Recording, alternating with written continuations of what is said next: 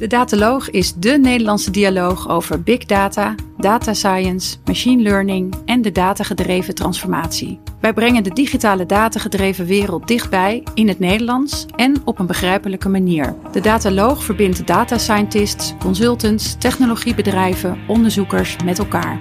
Onze uitzendingen bevatten ronde tafelgesprekken, diepte-interviews, toekomstverkenningen, mini-colleges over machine learning en verhalen van ervaringsdeskundigen.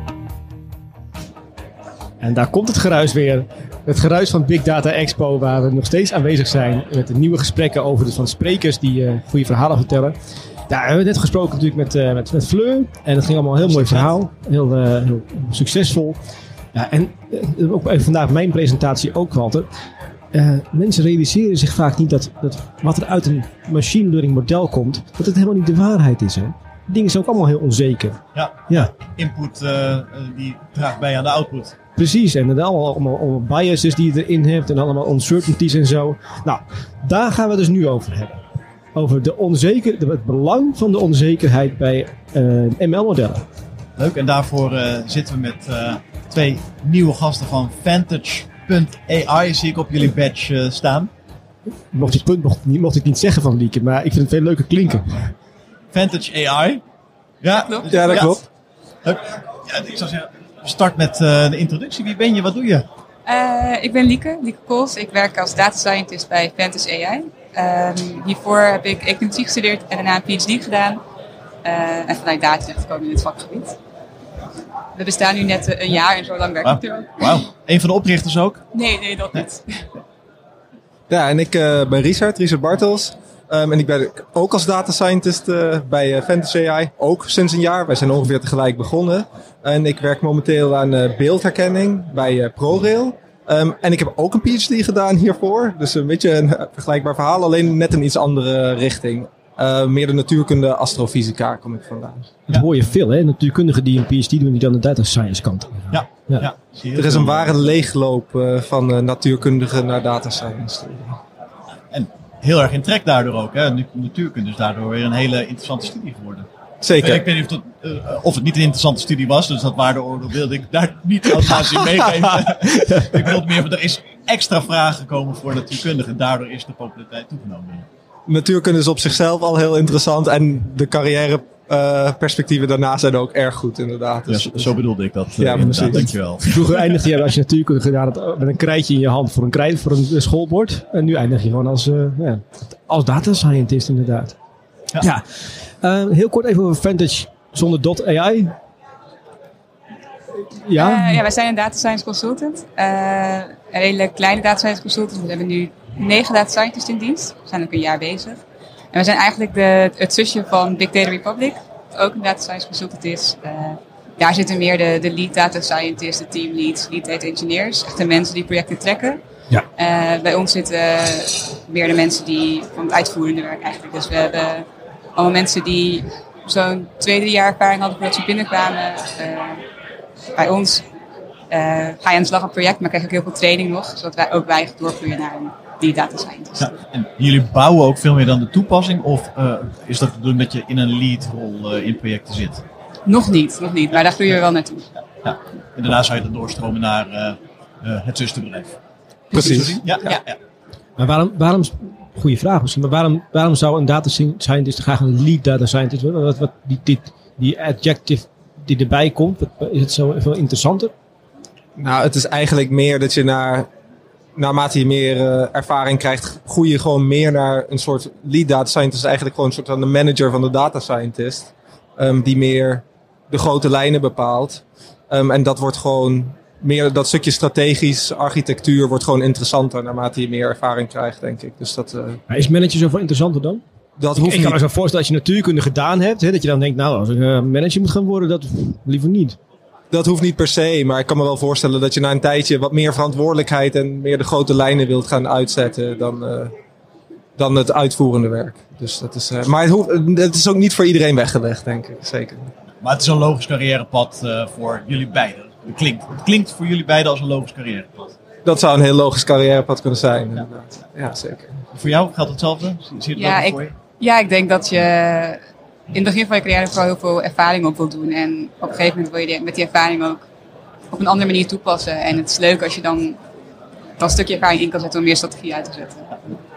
En ehm, wat er automatisch bij komt ook, is dat je de stap naar de organisatie gaat, eh, gaat zetten. En eh, ja, veel meer met je handen op toetsenbord zit om eh, modellen te trainen en applicaties te ontwikkelen. Veel meer aan het uitleggen bent. En dan word je toch een beetje die natuurkunde docent met dat, dat krijtje voor de klas, maar dan op een modernere manier. Ehm, hoe, hoe, kijk je daar tegenaan? Uh, ik denk dat we nu ook uh, heel erg in de organisatie zitten. Ja, Eigenlijk ja, juist. Ja. Uh, en ook juist aan, aan het modelleren zijn en het coderen. En ook nu eigenlijk al aan het uitleggen zijn. Dat, dat hou je vanaf het begin. Want je, je bent zelf aan het uitzoeken en dat wil je overbrengen aan de organisatie. Zodat zij ook snappen waar je mee bezig bent en waarom. Dat is inherent aan de rol van data scientist. Waar je eigenlijk op zit. Dat je niet alleen maar in een hoekje zit uh, te bouwen. Maar dat juist het uitleggen heel belangrijk is. Precies, dat denk ik wel. En daarom is het ook best wel interessant. Als je vanuit een onderzoeksachtergrond komt. Dan heb je die ervaring ook. Dan ben je altijd bezig met uitleggen. En dat mag je dan nu nog steeds blijven doen. Dus dat is heel leuk. Yes, er is, er is leven na mijn PhD. Ik mag blijven uitleggen. Daar twijfelde u nog over. Laten we eens eventjes gaan hebben over... Onder, jullie hebben vandaag een, uh, een talk vandaag. Of had je hem gisteren? Gisteren. Gisteren, gisteren ja. En die ging over het belang van onzekerheid bij uh, ja, AI. Nee, nee de, talk, de talk ging over een ander onderwerp. Dat was uh, beeldherkenning bij ProRail. Oh ja. ja. Um, en we hebben een blog geschreven voor de dat Big Data het, ja. Expo. Um, over het belang van onzekerheid bij AI, inderdaad. En daar wil ik het graag met jullie over hebben. Zo. Nou, begin maar. Wat is, even voor, voor degenen die er echt nog, nog geen idee bij hebben, uh, onzekerheid en AI-ML-modellen. Wat, wat is die relatie? Wat betekent dat nou eigenlijk? Misschien kunnen we het uitleggen aan de hand van de, de blog die we hebben geschreven. Dat gewoon. we dat ja. daarmee starten. Ja. Uh, want het blog ging over een model dat we hebben gemaakt voor Huispedia. Dat is een platform waarop je al mijn informatie over huizen kan krijgen. Uh, ik als huiseigenaar kan daar mijn huis opzoeken of Precies, ja, als huiseigenaar of als huiszoekende kan ja. daar allerlei informatie opzoeken, zodat jij zelf eigenlijk je huisverkoop kan doen. Ja. Uh, een van de dingen die erop staat is een voorspelling van je huisprijs. Uh, nou is het heel leuk dat wij een puntvoorspelling van je huisprijs kunnen geven. Maar eigenlijk heb je liever de range waarin je huisprijs zou kunnen liggen. Uh, want het lijkt vaak alsof machine learning modellen perfect zijn, dat die dan een perfect antwoord geven. Bijvoorbeeld je huis is 250.000 euro waard.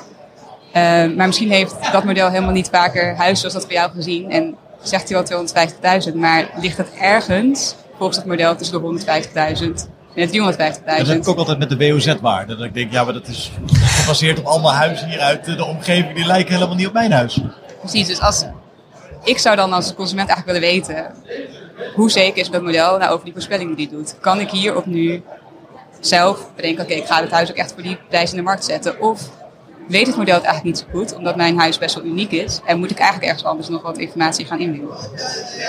Uh, zo kwamen we bij dit, bij dit onderwerp terecht eigenlijk. Daar hebben we dus een blog over geschreven. Want er zijn best wel veel casussen waar dit ook naar voren komt. Waar je eigenlijk een hele andere beslissing zou nemen op basis van een voorspelling.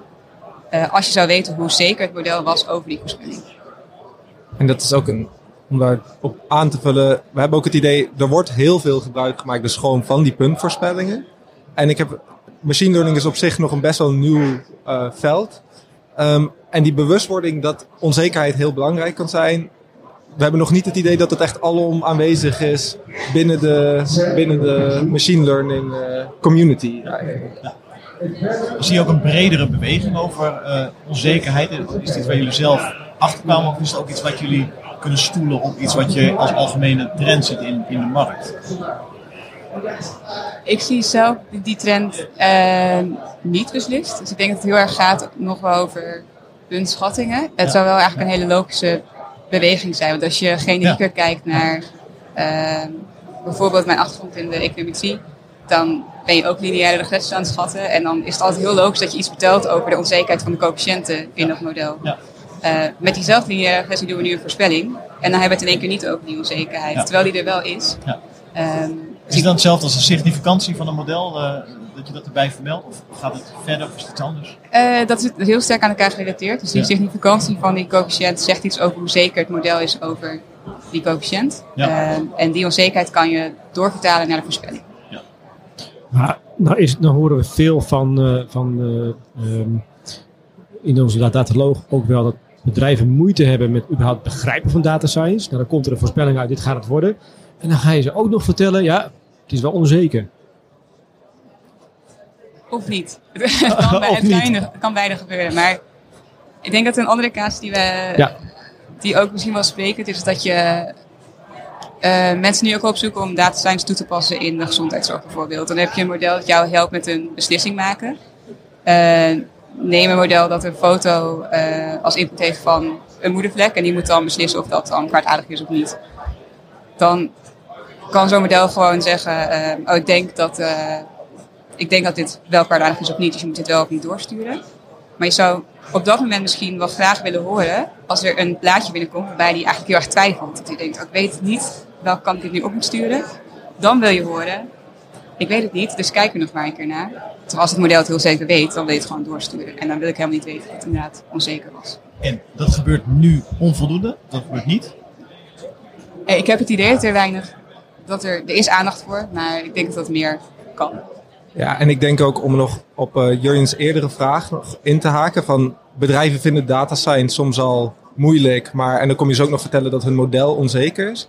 Ik denk dat het ook de andere kant op is. Als je soms weet dat er überhaupt al bijvoorbeeld onzekerheid zit in je data, omdat jij data meet met eh, gewoon een soort van inherente onzekerheid eroverheen, omdat je meetinstrument ruis heeft of iets anders, dan helpt dat ook ehm, in het scopen van je probleem en de aanpak daarvan. Terwijl ze anders misschien denken, we kunnen misschien deze data science techniek gebruiken die eigenlijk helemaal niet geschikt is op dat moment, omdat die niet meeneemt het feit dat er überhaupt inherente ruis in jouw signaal zit. Ja, stel dat dat er is, hè, we stellen vast nou, de uitkomst eh, van dit model, de voorspelling, dus er zit een hoge mate van onzekerheid in. Is dan altijd die interpretatie daarvan, moet het, moet het door een mens gedaan worden of zou het ook op een andere manier dan eh, vervolgd kunnen worden in het proces? Eh, nee, die zou die ook die onzekerheid mee kunnen geven aan een systeem dat op basis van de onzekerheid van de voorspelling een beslissing maakt. Ja. En ik denk ook weer terugkomen dat je het ook al is, juist omdat data science misschien een moeilijk begrip is voor mensen, dat ze het juist willen weten. Want wat ze dan denken, ja, het is een soort van eh, magic die mij nu een mooie voorspelling geeft, dan is dat in één keer de waarheid. Ja. En dan is het alleen maar het eerlijke verhaal om te zeggen dat die waarheid eigenlijk niet altijd zo zeker is als je hem voor doet komen. Ja, daar lijkt het ook heel erg op, eh, op, op een wat meer algemene trend fairness eh, van een model. eh, wat je ook eh, zou kunnen uitdrukken bij de uitkomst van hoe objectief, hoe eerlijk is het eigenlijk de, uitkomst die een model geeft. En, nou, fairness is al redelijk breed geaccepteerd. Maar die onzekerheid van een model net even een andere insteek. Maar daar hebben we het inderdaad niet zoveel over. Dus hoe zien jullie dat voor je? Dat in de toekomst modellen allerlei voorbehouden erbij krijgen. Van, nou, het is goedgekeurd op dit vlak, maar misschien op dit vlak kunnen we toch iets aanscherpen. Een soort certific- certificering van modellen eh, zie ik bijna voor. We hebben allemaal eh, onderdelen. Oh nee, ik denk ook dat die kant zou ik helemaal niet op denken. Nee, het is ja. meer dat als de casus, als het voor die casus belangrijk is dat we meegeven hoe zeker een voorspelling is, Ja. dat je die meegeeft. En dat gaat er gewoon om dat je bijvoorbeeld een confidence interval meegeeft bij een puntschatting. Dat zou kunnen. Dat zou kunnen, of dat een. eh, nou ja, al, dat voorbeeld wat jij hebt, als je door zou willen sturen bij de dokter, dan zou het eigenlijk gewoon die onzekerheid zou onder de motorkap meegenomen worden. Daar hoeft de eindgebruiker niks van af te weten. Maar gewoon in het hele proces is, de, is dat feit dat er een onzekerheid zit die voorspelling wel meegenomen. En dat hoeft. In principe hoeft de eindgebruiker daar niet altijd per se iets van te merken. Dan kan ik me dus voorstellen dat je, dat je pak een eh, nou, random forest en dan heb je een, eh, vier opties. En eh, hoe, hoe zo'n systeem werkt, degene met de hoogste probability, die kies ik. Ik kan me voorstellen inderdaad dat je, dat je zegt, als de probability- van alle vier heel erg laag is, onder de 30%, dat ik zeker dat, dat, dat een oplossing is, haal ik hem eruit. Maar als het verschil dan tussen A en B heel klein is, dan kies ik toch B, heel zeker ben ik van, maar van A ben ik ook heel zeker. Hoe ga je daarmee om? Het, het is denk ik nog een, ook een stukje complexer dan je nu het, het schetst. Het is Die, nog complexer. Ja, want die, die punt 4, volgens mij zei je punt 4, daar zijn we eigenlijk onzeker over. Ja, Dus hij zegt, eh, je hebt vier opties. Eén optie geven wij 0,1 kans, 0,1, Ja. 0,1, 0,3 houden we dan over.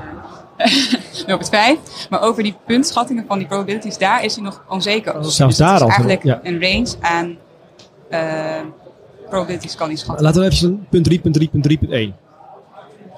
Waar we ook allemaal onzeker over zijn. Die drie, vier puntschattingen, over alle vier zijn we onzeker, qua probability. Eh, maar ja, het ML-model vraagt één antwoord. Gaan we dan zo meteen krijgen dat we twee antwoorden gaan krijgen? Ja, het is A, maar ook een beetje B? Nou, je zou, het, je zou het antwoord als een soort van distributie terug kunnen geven. Dus dan zou je punt 3, maar je krijgt een distributie, dus dat zou tussen punt 1 en punt 5 kunnen liggen. En ik denk dat je hier het voorbeeld van een dobbelsteen zou kunnen nemen, bijvoorbeeld. Of een muntje, want dat is makkelijker. Twee opties. En je wilt testen, heeft, is dat een eerlijke munt? Is de kans dat ik uh, 0,5, uh, dat die uh, 50% keer kop landt? nou, dan kun je een test doen. Ik gooi hem één keer op, twee keer op. Nou, misschien allebei um, één keer kop, één keer munt. Dan zou je kunnen zeggen, het is 50% kans. Maar je hebt maar twee metingen gedaan. Dus eigenlijk ben je daar nog heel onzeker over. Het zou nog steeds zo kunnen zijn dat het um, 90% kans is dat hij op kop landt. Maar dat kun je uit die twee metingen niet zo goed opmaken.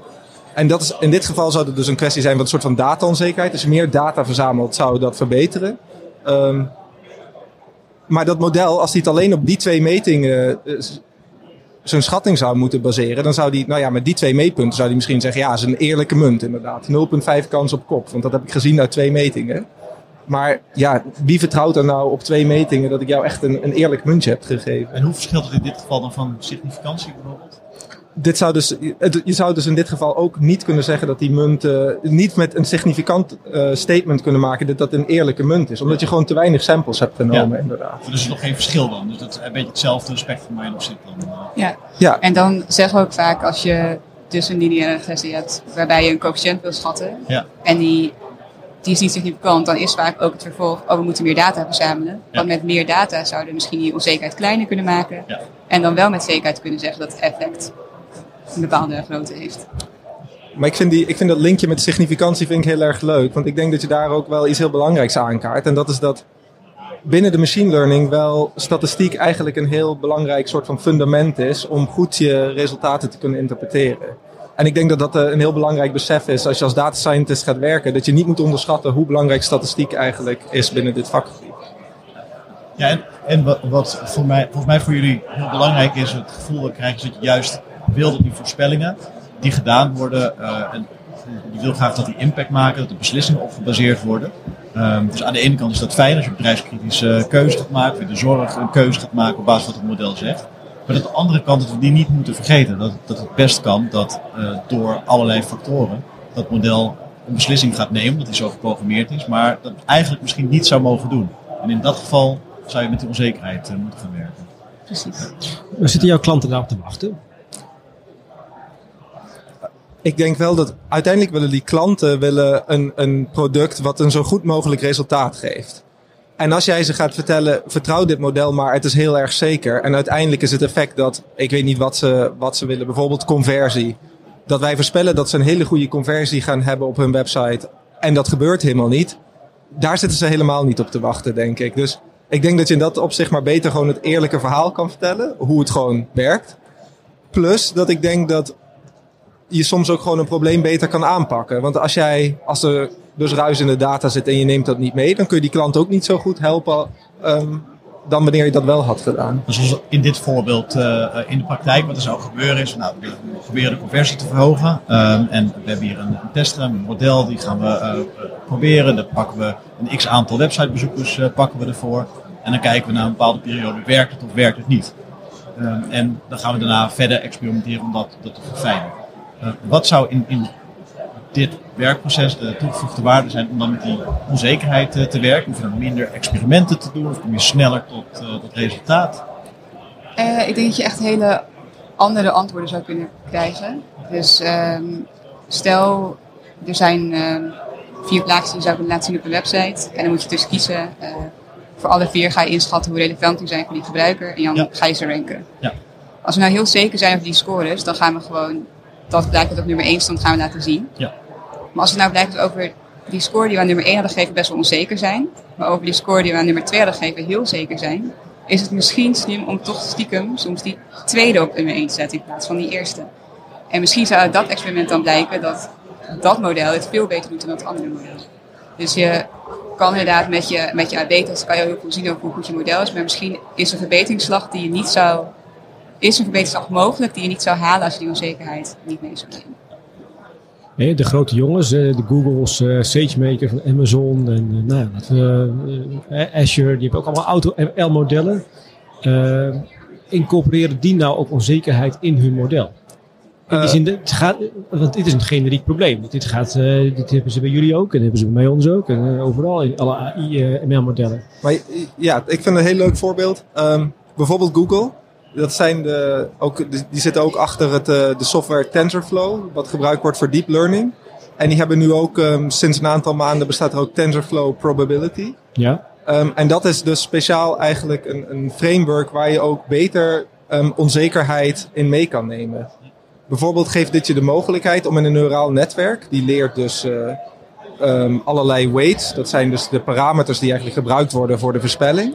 Maar die parameters zijn niet langer één waarde, dus eigenlijk ook gewoon een punt, maar een distributie. En wanneer je dan een voorspelling doet, pakt hij een waarde uit de distributie.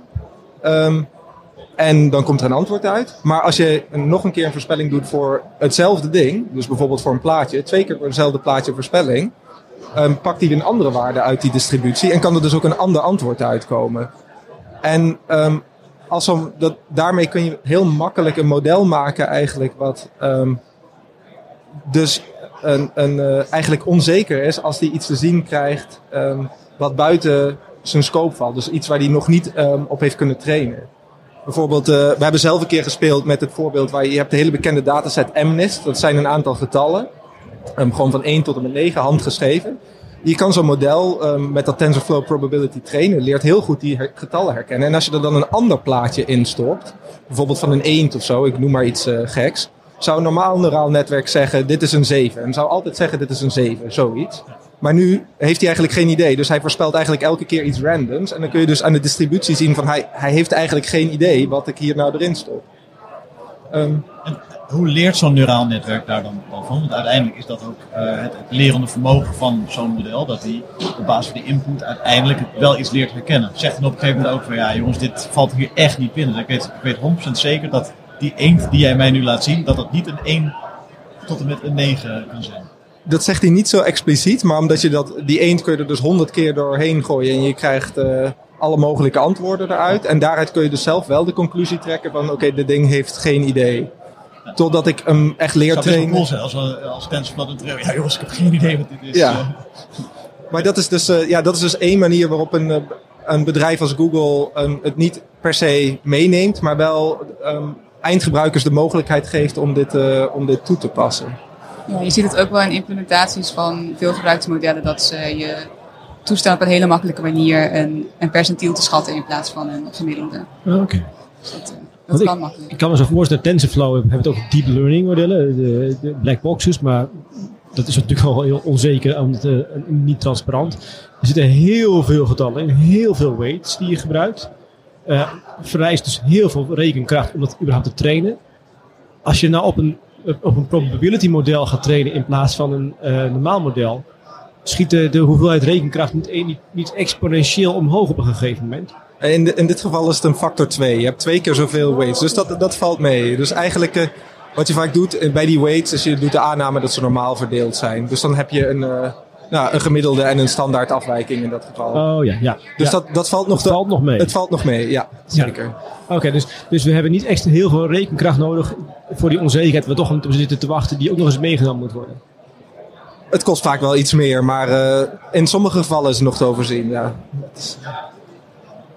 En eh, die, die onzekerheid, je begon met het voorbeeld van eh Huistopia, is het daar ook daadwerkelijk geïmplementeerd in, in, in de frontend? Nu kan ik als eh, huiseigenaar of huisbezoeker nu Ja, die range te zien krijgen? het loopt bij Aspedia laten ze eigenlijk zelfs niet de puntschatten zien, alleen de ranges. Ja. Zodat Ja. jij daar als gebruiker eh, een juiste handeling op kan verrichten. En, en wat heeft dat, waar, waar heeft dat toe geleid op de website van Huispedia?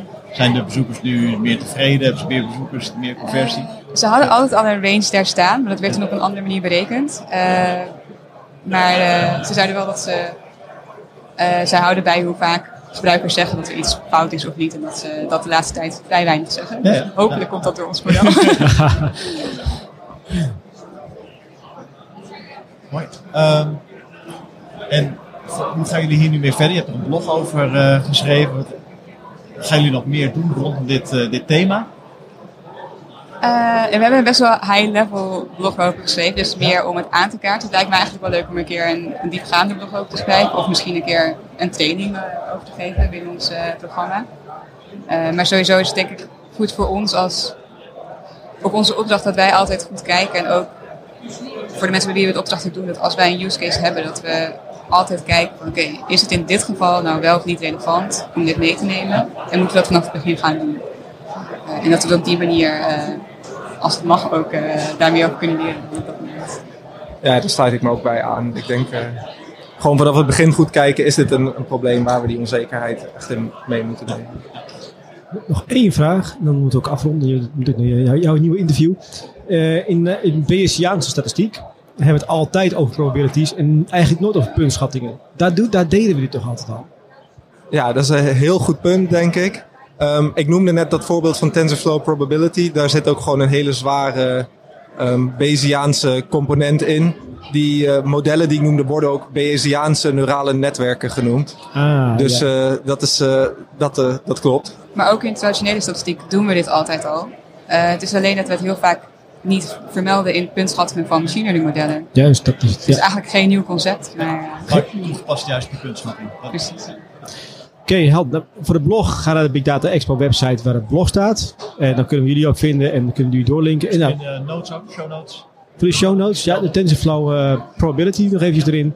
En uh, misschien nog een keer een langer, diepgaande gesprek hebben over echt een case die dan met die probabilities werkt. Goed, goed van college, toch met een krijtje. Toch met een krijtje, ja, ja, toch met een krijtje. Ik heb er helemaal zin in. We hebben nu ook een camera, dus toch met een krijtje gaan werken. Als Dankjewel voor natuurkundige je... houd ik daar ook van. Uh, krijtjes. krijtjes, hè? Ja, zie je, krijtjes. Dankjewel dat jullie aanwezig waren en uh, veel plezier op de Big Data Expo. Ja, hartstikke bedankt. Tot de volgende.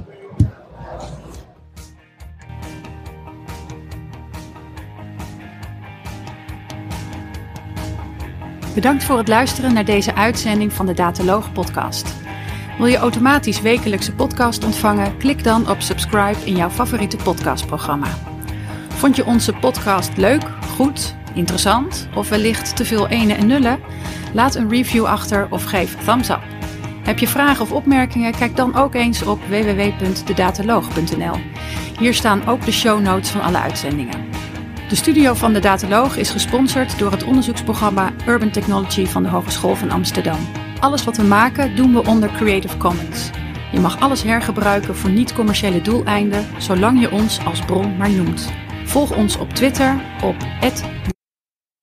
Graag tot de volgende keer en voor nu, tot data!